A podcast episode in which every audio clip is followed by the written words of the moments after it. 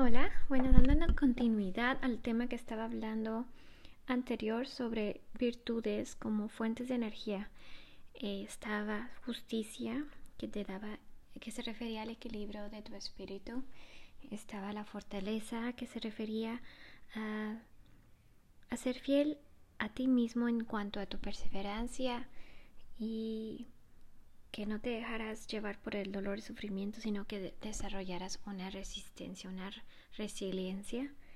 Y estaba la templanza, que se refería a que no te excedieras de tus fuerzas para que pudieras mantener una tensión sana.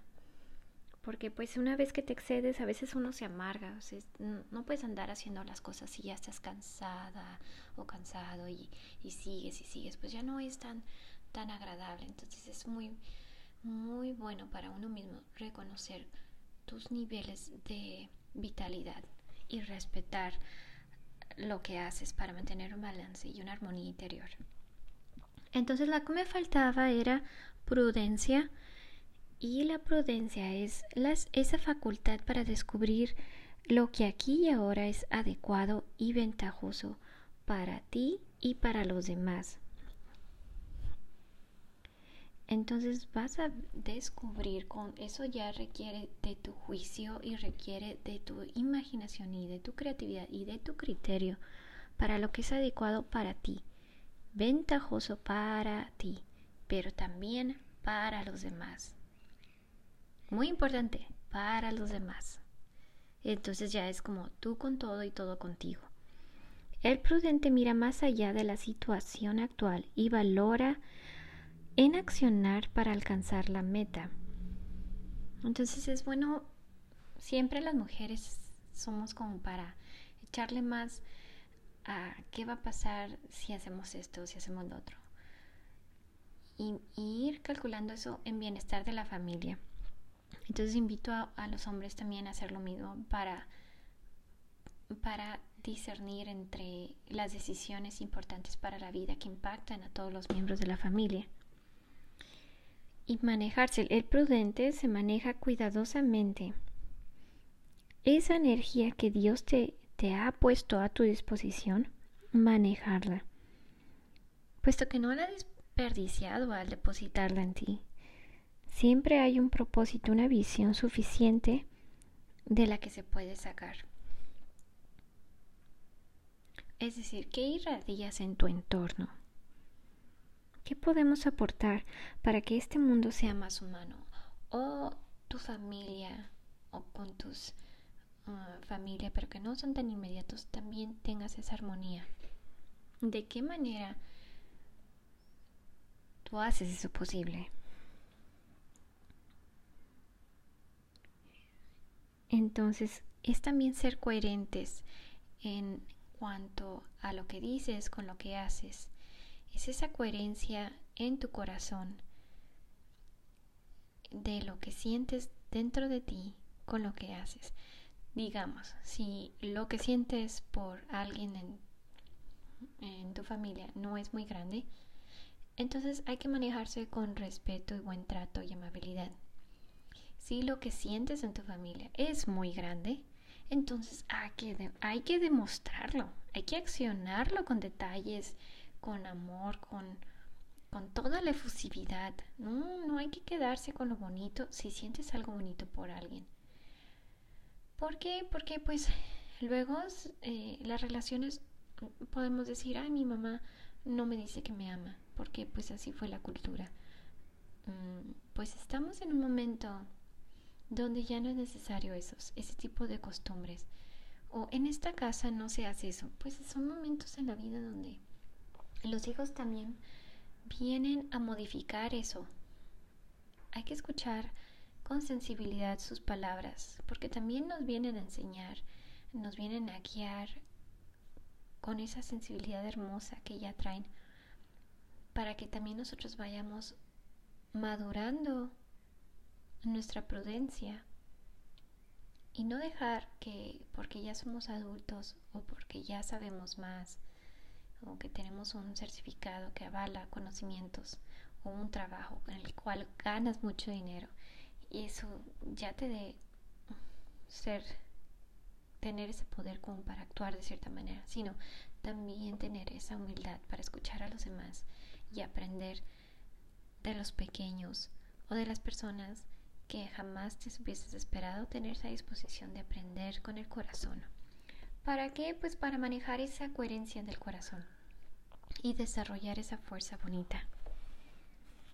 Tener un sentido de fuerza sanadora. Son esas calles principales que nos dan sentido hacia, hacia, Dios. Son esos valores que son relativos a las vivencias que te dan, te van llenando sentido a la vida. O esa creatividad que se va desarrollando en el ser humano, pues porque Dios nos envía al mundo para configurar, porque está, está confiando en ti para guardar y cuidar este mundo. Y más bien cuidarnos los unos a los otros, cuidarnos, cuidar nuestras relaciones con nuestras actitudes, las cuales pues, ¿qué crees? Tú las puedes determinar. No son así como tu uña que ya es de esa forma. No, tú puedes manejar, puedes administrar, puedes cambiar, puedes también sumar actitudes para que tu vida sea más dichosa. Así como la fe se va, se va cultivando, también las virtudes. Y me gusta mucho esto que dice ah, una mujer conforme al corazón de Elizabeth George, un corazón que hace de la casa en hogar. La mujer sabia edifica su casa, mas la necia con sus manos la derrumba. Mm, y pues por el hogar, puede ser tu hogar, pero en donde te encuentres.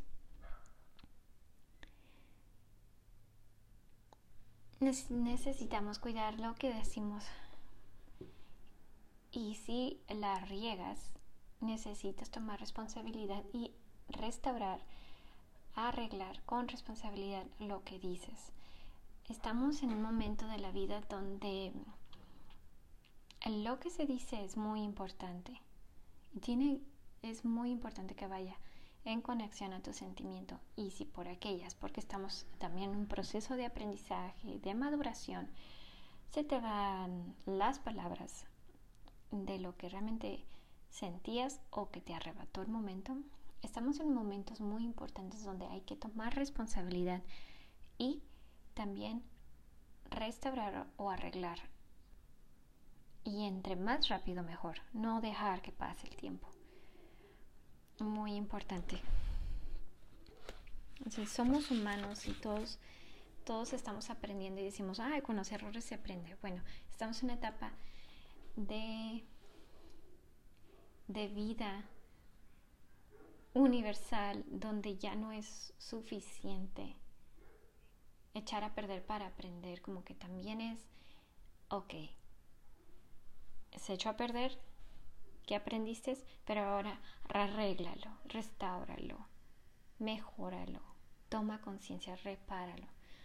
Si ofendiste a alguien con algunas palabras, regrésate y discúlpate, pero haz algo también a eso.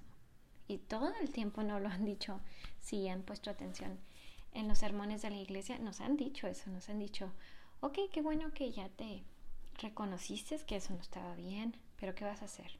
Y sí, antes en, en la iglesia católica, por ejemplo, te ponían a hacer estas oraciones como penitencias para que entras sin conciencia. Pero con tanta información es muy importante como que tomarlo en cuenta de que, de que así como los niños ya pueden usar un iPad, así como también todos en todas las edades son capaces para restaurar algo que se dañó.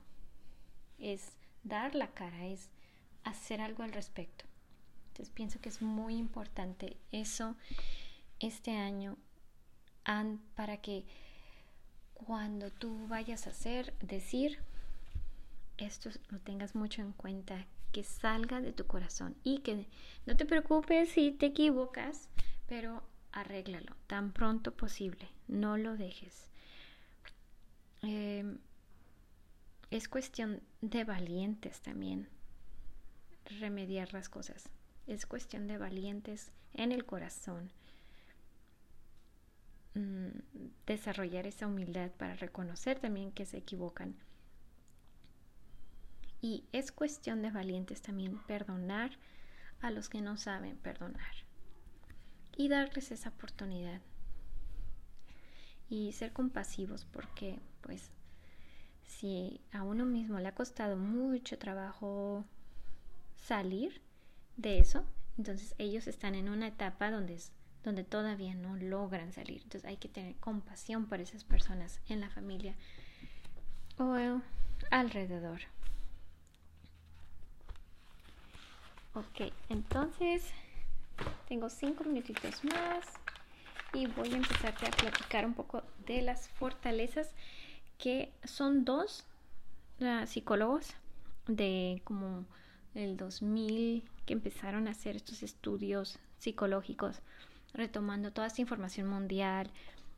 Eh, el, psicólogo Peterson y Seligman sobre la psicología positiva, que pues ya hay mucha evidencia actualmente sobre que escanean el cerebro en cuanto a cómo pensar positivamente mejora tu, no solo tu salud, sino mejora cómo se van a cómo vas a salir de una situación. Y antes no, antes era como que solamente tratar las cosas de la manera negativa y que, y que eso se podía pues solamente con medicina o con hablarlo y, y pues no se miraba que realmente hubiera una solución clínica siempre. O sea, era por eso se hizo esa fama de que si ibas al psicólogo es porque estabas tú loco, porque pues realmente nunca se vio una solución de que, ay, estoy mejor porque fui al psicólogo. Y pues esta psicología positiva viene a, brindar herramientas para traer otro nuevo enfoque, de que ante las situaciones difíciles también se pueden salir, empezando a potencializar estas fortalezas humanas. Y las fortalezas humanas vienen, más bien vienen de las virtudes principales universales que son sabiduría, coraje, humanidad, justicia, templanza, trascendencia. Y en la de sabiduría que está creatividad, curiosidad, juicio, amor y perspectiva me llamó mucho la atención porque esta sabiduría de fortaleza está enfocado al conocimiento, esas ganas de querer aprender y resulta ser que es una fortaleza y a mí me fascinó. Toda mi vida me ha encantado aprender y leer y saber. Entonces saber que es una fortaleza, pues ahora puedo decir, wow, sí, sí lo es.